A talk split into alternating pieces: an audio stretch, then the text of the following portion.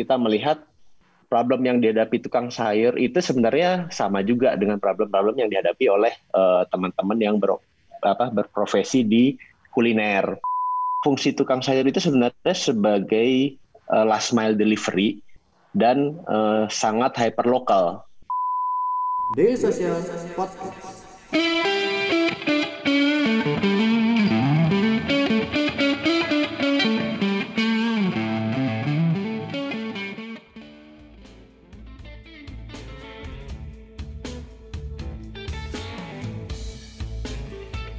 Selamat malam, kembali lagi di Selasa Startup bersama saya Ilham Sanjaya sebagai moderator kita pada malam hari ini. Dan tentunya uh, Anda semua sudah kembali lagi di Selasa Startup yang selalu hadir tiap Selasanya yaitu acara yang uh, tentunya kita akan membahas insight-insight seputar startup dan juga teknologi yang diselenggarakan oleh Daily Social. Nah, mungkin buat kalian nih ada yang baru malam hari ini pertama kali nonton Selasa Startup ya. Jadi jangan ketinggalan karena kita setiap Selasanya itu selalu ada pembahasan baru dan juga pembicara-pembicara yang luar biasa untuk memberikan insight-insight seputar um, startup dan juga teknologi. Dan hari ini kita akan membahas tentang uh, topik yang sangat menarik ya dan lagi uh, cukup ramai juga yaitu how agritech adapting consumer behavior change during pandemic dan sekarang kita juga sudah kedatangan langsung nih oleh pemainnya yaitu Mas Adrian Hernanto ya dari kedai sayur. Halo Mas Adrian. Halo, selamat malam. Ini merupakan uh, co-founder dan juga CEO dari kedai sayur ya Mas ya? Iya. Oke. Tapi sebelum uh, sebelum kita mulai apa sesi tanya jawab kita nih ya, uh, hmm? aku juga mau berterima kasih kepada media partner kita yang sudah memberikan banyak informasi seputar Selasa Startup kepada uh, seluruh jangkauannya. Ada blog 71 dan juga Apiari. Oke, terima kasih kepada media partner kita dan sekarang seperti yang udah aku kenalin tadi yaitu Mas Adrian Hernanto dari Kedai Sayur. Kita boleh kenalan dulu nih Mas uh, tentang Mas Adrian dan juga tentang uh, Kedai Sayur itu sendiri. Silakan Mas. Oke, terima kasih Mas Ilham. Uh, selamat malam semuanya. Uh, jadi kalau cerita sih Kedai Sayur belum terlalu lama ya. Oktober ini dua tahun lah ya kita beroperasi. Hmm. Nah, kalau saya sendiri kan sebenarnya dari profesional, saya dari Triputra Group. Nah, cuma eh, kalau ada yang kenal Pak Teddy Rahmat, YouTube-nya juga ada. Kan salah satu visinya beliau itu adalah tidak lagi mau melihat ada kemiskinan di Indonesia gitu ya kurang lebih. Nah, jadi nilai itu tuh sebenarnya nempel di semua karyawan Triputra. Nah, sebelumnya itu kita memang banyak uh, ngeliat startup startup tapi dari sudut pandang uh, corporate gitu ya. Aha. Nah cuma pas Oktober uh, Agustus tahun lalu lah ya tahun 2018 saya pribadi ada opportunity kayaknya. Kita ketemu Pak Ahmad founder ya kedai sayur kemudian kita bicara eh ceritanya gimana nih ya? Kok kayaknya uh, misinya Pak Ahmad dengan Triple Group tuh kok bisa lain ya? Gitu. Terutama dalam hal kalau kita lihat uh, industri fresh perishable product gitu ya uh, farm to table hampir semua startup kan go to direct uh, customer. Nah padahal kita ngelihat dari struktur supply chain fresh perishable itu ada satu komponen strategis yaitu tukang sayur sebenarnya. Mm-hmm. ya mungkin selama ini kita nggak pernah lihat ya. Gitu. Nah kalau kita lihat di Jakarta sendiri waktu itu kita lakukan studi ada 100 ribu lebih loh uh, tukang sayur yang berprofesi di tukang sayur ini sebagai bagian dari uh, distribusi sayur mayur dan buah-buahan. Nah sehingga uh, kayaknya visi misinya Triputra Group kita bisa combine lah daripada kita uh, men, apa ya mendisrupt fungsi tukang sayur hmm. itu punya potensi kita justru uh, meningkatkan value-nya karena kalau dilihat dari sudut pandang supply chain fungsi tukang sayur itu sebenarnya sebagai uh, last mile delivery dan uh, sangat hyper lokal. Mm-hmm. Nah di situ kan dia yang pertama kalau kita lihat tukang sayur hampir semuanya full time, nggak ada yang part time tuh. Kemudian biasanya turun temurun kalau bapaknya tukang sayur, ntar anaknya juga tukang sayur. Kemudian uh, mereka sudah bertahun-tahun menjalankan profesinya, mereka sudah tahu produk quality-nya seperti apa, mereka udah punya regular customer base. Nah, justru uh, angle itu yang kita lihat, eh kita bisa digitalize sama modernize uh, fungsi tukang sayur ini loh. Itu sebenarnya konsep dasarnya ya. Nah, sekarang kalau kita lihat dari sisi uh, challenge yang dihadapin tukang sayur, itu menarik sebenarnya kan. Yang pertama, kehidupan mereka itu susah sekali ya. Bangun midnight jam 12 malam tuh saat kita lagi tidur mereka ke pasar sebenarnya belanja. Nah, belanjanya pun uh, retail dia karena satu gerobaknya dia kan mungkin ada 20 sampai 30 item tuh.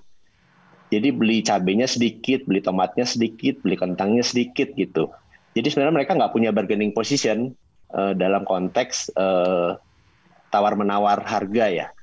Gitu. Itu problem yang pertama udah jam hmm. kerjanya dari jam 12 malam terus jam 10 pagi itu biasanya udah selesai soalnya orang udah mulai masak ya jadi dia kerjanya dari jam 12 malam sampai jam 10 pagi, habis itu tidur. Baru kerja lagi jam 12 malam. Kemudian yang kedua, uh, mereka tuh handling uh, perishable product. Jadi kalau barangnya nggak laku itu otomatis besoknya dia jadi loss loh. Nah, uh, belum masalah modal kerja. Ya turun temurun uangnya mereka ya yang jadi barang di gerobaknya dia sih gitu. Nah, ngelihat potensi yang kita bisa doing something lah buat mereka, kita mulai mulai konsepkan nih bisnis sama operasi modelnya. Jadi kalau sekarang uh, tukang sayur cukup login di aplikasi kita jam 6 sore tuh dia tinggal order, habis itu dia bisa tidur pagi-pagi jam 4 jam 5 pagi barangnya udah diantar ke tempatnya dia. Kemudian dia jualan di neighborhoodnya dia, itu juga belum bayar. Jadi mereka jualan dulu, selesai jualan baru bayar ke kita. Jadi sebenarnya udah nggak ada limit uh, working capital lagi buat mereka. Terutama hmm. kan kita consolidated order dari ratusan tukang sayur ya otomatis sebenarnya kita punya bargaining position lebih bagus lah daripada mereka. Nah awalnya begitu. Nah cuma uh, waktu berjalan kita melihat problem yang dihadapi tukang sayur itu sebenarnya sama juga dengan problem-problem yang dihadapi oleh uh, teman-teman yang ber, apa, berprofesi di kuliner terutama masyarakat informal ya gitu. Jadi sejak akhir tahun lalu kita mulai ekspansi ke uh, hotel, restoran, kafe, terutama juga untuk melengkapi uh, kebutuhan grade-nya. Soalnya kalau kita mulai sourcing dari farmer, itu otomatis kita harus ambil all grades. Sedangkan tukang sayur itu dia punya spesifik uh, quality requirement. Jadi kita kalau kita bisa combine ini dengan grade A, grade B, grade C dari sisi demand, itu kita bisa go upstream dengan uh, lancar sekali. Itu ceritanya sampai dengan sebelum COVID. Jadi sebenarnya portfolio kita sampai sebelum COVID itu uh, B2 small B sama B2B. Mm-hmm. Itu ceritanya kalau latar belakang uh, saya dan kedai sayur, Mas.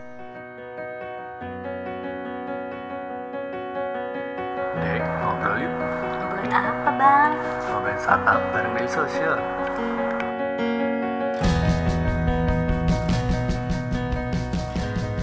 Daily Social Podcast. Oke, menarik nanti kita kulik-kulik lagi nih terkait uh, iya. dan juga cerita kedai sayur dari Mas Adrian tadi. Tapi uh, tadi juga udah sempat ke-mention dan aku mau tanya nih Mas terkait uh, pandemi dan COVID yang hmm. uh, memberikan dampak ke berbagai bidang ya, termasuk hmm. uh, bidang yang digeluti oleh kedai sayur secara umum uh, apa sih mas tantangan terbesar ataupun hal yang dihadapi oleh agritech uh, mungkin yang dialami oleh kedai, kedai sayur uh, di masa pandemi seperti ini? Iya. Jadi menarik sebenarnya kalau uh, karena kita core kompetensinya kedai sayur itu di B2 small B sama B2B, jadi memang waktu masuk pandemi itu kita terimpact lumayan besar. Tukang sayur itu kan uh, waktu awal-awal pandemi sempat ada pembicaraan mengenai larangan mudik ya, itu bersamaan dengan Ramadan soalnya. Gitu ya, padahal uh, ritualnya tukang sayur itu saat Ramadan mereka pulang kampung. Nah, jadi akibatnya yang awalnya cuma pulang kampung dua minggu karena pandemi itu mereka sebulan sebenarnya ada di kampung. Jadi oh.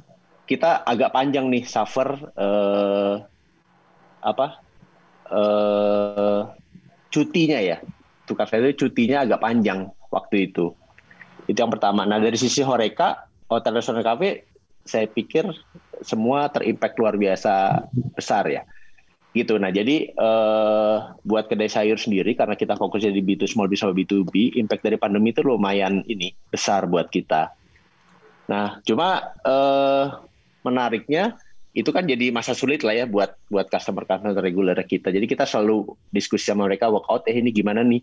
Yang dulu asalnya mereka order bisa satu juta per hari gitu ya. Itu terpaksa jadi 400 ribu 350 ribu menyesuaikan dengan demand dari uh, sektor horekanya.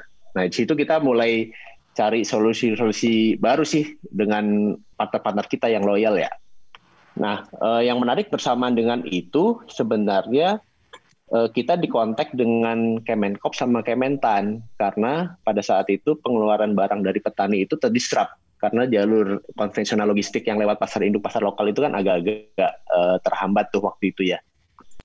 Nah hmm. jadi justru kita kita banyak justru banyak go to direct farmer pada saat pandemi kita justru ngebantu uh, gapoktan di Cianjur ya untuk yang hortikultura. Kemudian kita ngebantu petani kentang di Lembang, Majalengka, Pangalengan. Kemudian kita membantu uh, cabai rawit merah dari Jawa Timur kemudian uh, bawang merah Brebes dari uh, dari Brebes waktu itu. Nah, jadi fokusnya kita justru bagaimana secepat mungkin barang ini bisa terserap. Uh, kalau kita lihat kan komoditi turun terus tuh selama masa pandemi ya harga cabai rawit merah turun, harga hmm. bawang merah turun gitu. Nah, jadi uh, kita berusaha secepat mungkin barang itu keluar dari petani supaya petani tetap siklus tanamnya itu nggak terhenti. Soalnya hmm. sangat bahaya kalau itu sampai terhenti ya. Nah, jadi kita banyak direct nih dari farmer ambil uh, semua hasil panennya, kemudian kita secepat mungkin uh, uh, sebar ke customer base kita. Nah, fungsi itu sebenarnya yang masa pandemi justru kita jadi hektik sekali. Gitu ceritanya Mas Ilham kalau ke desa itu. Yeah. Oke. Okay.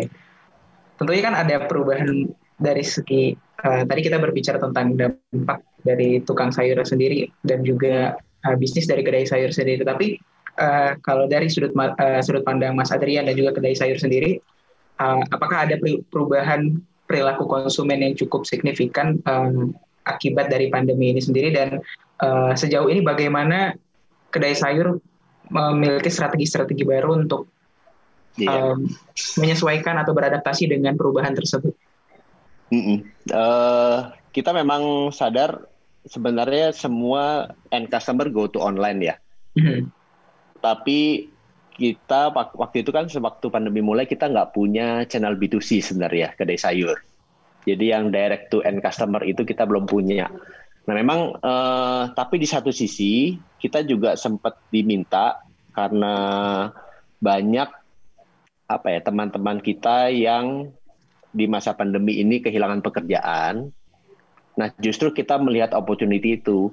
Jadi kita launching satu produk namanya kedai emak di kedai sayur ya kalau dilihat di uh, apa store itu ada kedai emak itu sebenarnya kita launching justru untuk uh, memberi peluang pekerjaan kepada teman-teman kita yang uh, kehilangan pekerjaan akibat pandemi itu bisa menjadi partner agentnya kita berjualan sayur di lingkungannya. Jadi kita uh, instead of direct to end customer, kita jadi sediakan uh, solusi buat mereka yang uh, kehilangan pendapatan. Itu hmm. kita lewat channel baru ke DEMA. Itu baru di, baru kita buat pada saat pandemi sih. Itu ya. Nah, uh, ya memang begitu benar. Jadi uh, behavior masyarakat ngikutin polisinya government nih pada saat ya PSBB perketat ya mereka larinya ke online semua. Begitu transisi dibuka hari pertama itu uh, restoran penuh semua. itu ngelonjak order dari Horeca beneran ngelonjak jadi benar-benar ngikutin ini jadi di kedai saya sini sebenarnya uh, kita harus ngelihat week ke week ini polisi uh, pemerintah bagaimana ya hmm. kalau di Jakarta PSBB diperketat kita agak fokus di luar Jakarta di Tangerang, di Bekasi, di Depok itu kan enggak mereka transisi gitu. Jadi kita shifting uh, market penetrationnya pun jadi ngelihat uh, week to week policy governmentnya bagaimana nih gitu. Oke. Jadi di satu sisi juga mengikuti uh, situasi ya yang dan juga peraturan yeah. dari pemerintah ya mas ya. Uh. Oke. Nah uh, kalau misalkan tadi kita udah membahas tentang uh, mitra dan tukang sayur dan juga konsumen, tapi aku mau explore juga nih terkait kedai sayurnya sendiri mas.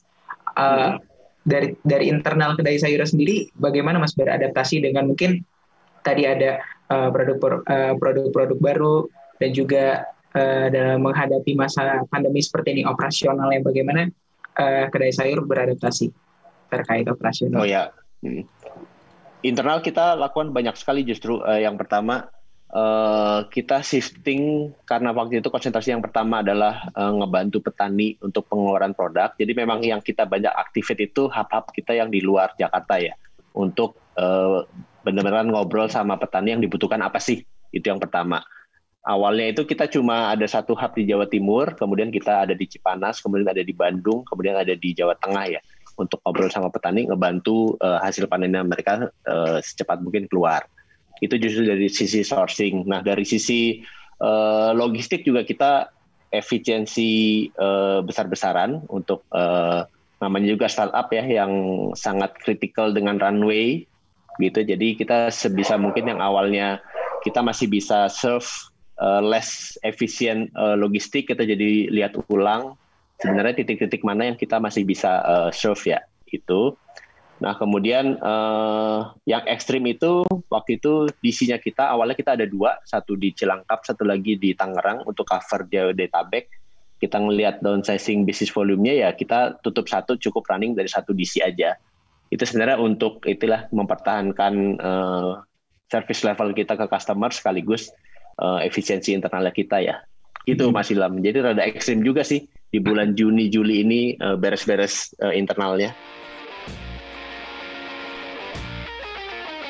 Jangan lupa subscribe Ngobrolin Startup Daily Social Podcast di SoundCloud, Spotify, atau aplikasi podcast favorit kamu. Aku mau balik sedikit nih ke uh, pertanyaan-pertanyaan sebelumnya juga. Kalau misalkan uh,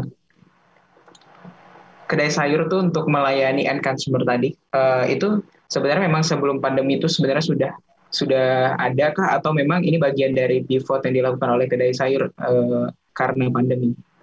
Hmm. Plan to B2C kita ada, tapi hmm. sebenarnya dengan pandemi itu mengaccelerate sedikit sih. Awalnya itu oh. harusnya kita di di quarter satu tahun depan baru masuk ke B2C ya. Tapi oh. dengan pandemi kita accelerate jadi memang langsung pivoting uh, ke B2C tapi lewat uh, agency model ya. Gitu. Oke, okay, oke. Okay. Jadi lebih ke community approach. Jadi emang benar yang kata kalau kata orang-orang pandemi mengakselerasi banyak inovasi nih. banyak, benar. Oke. Okay. Memang yang kritikal Dan, kecepatan kita ngerilis uh, new product yang fit dengan customer uh, requirement saat pandemi ya. Mm-hmm. Hmm. Tapi kalau misalkan kita berbicara tentang impact dari uh, pivot ini sendiri, Mas, apa uh, impact apa aja yang udah dirasakan oleh kedai sayur uh, terkait dari uh, pivot ini dari segi bisnis mungkin? Mm-hmm. Kalau dari sisi uh, bisnis volume sih masih belum kembali ya udah mulai merangkak naik ya, tapi mm -hmm. uh, masih tergantung dari inilah growth-nya uh, eh, B2B-nya kita ya. Nah, tapi dari sisi uh, profitability jelas kita uh, improve a lot sih. Jadi ya balance lah kita antara uh, bisnis volume yang agak uh, ketat dengan kita uh, efisiensi segala macam focusing kepada market yang memang uh, profitability-nya bagus gitu ya. Jadi Dan, lumayan uh, kalau di uh, quarter tiga sih. Oh, okay. Tapi kalau misalkan uh, berbicara tentang B2B dan B2C ya Mas, kalau misalkan dari kedai sayur sendiri, ke depannya misalkan uh, kondisi sudah mulai uh, mereda dan mungkin dari segi bisnis sudah mulai kembali nih bisnis volume dan juga hmm. beberapa hal lainnya dari segi aspek B2B-nya, model bisnis B2B kedai sayur Hmm. Uh, kira-kira ke depannya ini akan lebih fokus ke B2B atau B2C atau justru um, fokuskan ke dua-duanya nih? Iya. Kalau menurut saya kalau kita bergerak di fresh perishable itu harus semua sih karena uh, hmm. kita kan sourcingnya dari dari farmer ya.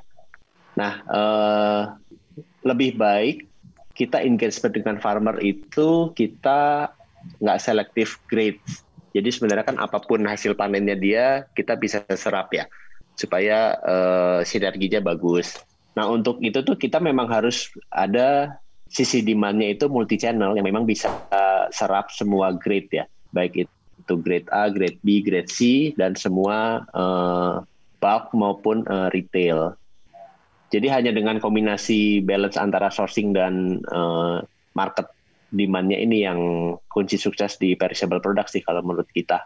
Uh, nah, aku mau ke menarik nih terkait mitranya kedai sayur kan. Uh, kalau misalkan dari catatan kita, uh, kedai sayur sendiri udah lebih udah punya lebih dari 5.000 mitra mungkin ya mas ya. Iya. Uh, nah, kalau misalkan uh, dari Mas Adria sih, bagaimana sih mas cara kedai sayur itu untuk mengelola uh, mitranya dan, dan ini juga pertanyaannya apakah ada perbedaan uh, pengelolaan tersebut pengelolaan dan juga kerjasama dengan mitra tukang sayur ini uh, ketika masa pandemi dan juga ketika situasi normal. Hmm, kalau ngomongin mitra sayurnya sih mereka justru apa ya lebih tergantung kepada kedai sayur pada saat pandemi karena uh, uh, ada mas waktu itu kan ada sempat kejadian pasar induk pun sempat ditutup. Pasar-pasar lokal juga ada beberapa kali sempat ditutup, terutama yang red zone ya. Hmm. Nah itu kan jadi mereka mereka akan rely on uh, kedai sayur sebenarnya untuk fulfillment uh, barang-barangnya mereka. Nah uh, memang yang kita harus erat sama mereka itu kan mengenai uh, penyerapan ordernya karena harus diakui uh, belanjanya masyarakat itu kan melemah. Ya, jadi itu ter, terlihat dari uh, basket size retailnya uh, masyarakat sih. Harga komoditi juga turun ya, gitu. Nah, jadi uh, kalau dari sisi approach kita ke mitra-mitra kita sih sebenarnya nggak ada perubahan, cuma kita lebih kita lebih dengerin problemnya mereka sih. Soalnya ada perubahan, ada perubahan komposisi buying ya. Hmm. Jadi yang yang apa? Uh, yang ay asalnya ayam menjadi belinya telur. Itu ada memang ada pergeseran uh, belanja customer di level uh, basket size-nya si mitra sayurnya kita ya. Itu yang penting kita ngerespon cepat komunikasinya antara mitra-mitra kita dengan kita untuk connect dengan supply-nya kita. Gitu, Mas. Hmm. Tapi kan uh, tadi uh, Mas Adrian juga sempat mention kalau misalkan uh, tukang sayur ini sebenarnya uh, polanya cukup melelahkan di mana mereka bangun uh, bangun pagi untuk membeli barang-barang uh, yang dibutuhkan untuk dijual lalu kemudian menjual jam 10 pagi. Dan uh, ya aku mau tanya itu adalah bagaimana uh, ketika mitra sayur uh, mitra tukang sayur ini bergabung dengan kedai sayur itu bagaimana uh, adaptasi teknologi yang proses adaptasi teknologi yang digunakan oleh tukang sayur ini? Apakah ada challenge-challenge tersendiri yang ditemukan oleh kedai sayur? Oh ya, kita kan memang ada teman-teman uh, relation officer ya, yang memang uh, kerjaannya uh, merekrut uh, mitra sayur kita. Nah, uh, sebagian besar sih sebenarnya udah digital literate ya, jadi nggak terlalu hampir semua udah punya handphone sebenarnya oh. tukang sayur di Jadetabek ya. Hanya beberapa aja yang ibu-ibu tua gitu uh, yang kita ajarin. Jadi memang uh, relation officer kita memang dari awal kita bentuk untuk uh, servicing uh, mitra-mitra kita tukang sayur ya. Kita selalu uh, bantuin lah kesulitannya apa. Kadang-kadang kalau ibunya nggak bisa ya kita ada anaknya nggak bu? Ayo anaknya diajarin gitu. Soalnya simpel sekali sih sebenarnya aplikasi kita. Uh, gitu. Oke jadi memang di satu sisi memang uh, mitranya sendiri juga sudah cukup banyak yang di, uh, apa punya literasi digital yang cukup tinggi dan juga dibekali oleh smartphone tadi ya. Mungkin iya uh. ada beberapa pengecualian yang uh, tentunya tadi sudah di-share juga sama Mas Adrian terkait uh, approach untuk bagaimana membantu mitra sayur ini dalam menggunakan uh, platform dari kedai sayur sendiri.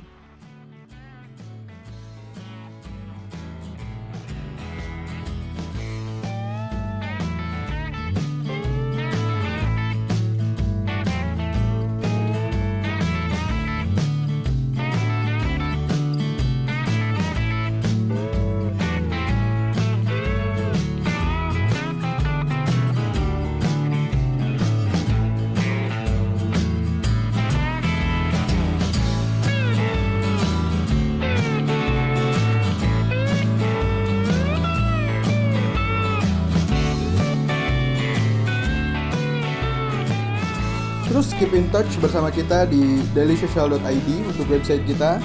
Di Facebook kita ada dailysocial.id, di Twitter kita ada @dailysocial dan di Instagram kita ada @dailysocial.id. Di LinkedIn kita ada Daily Social dan di YouTube kita ada Daily Social.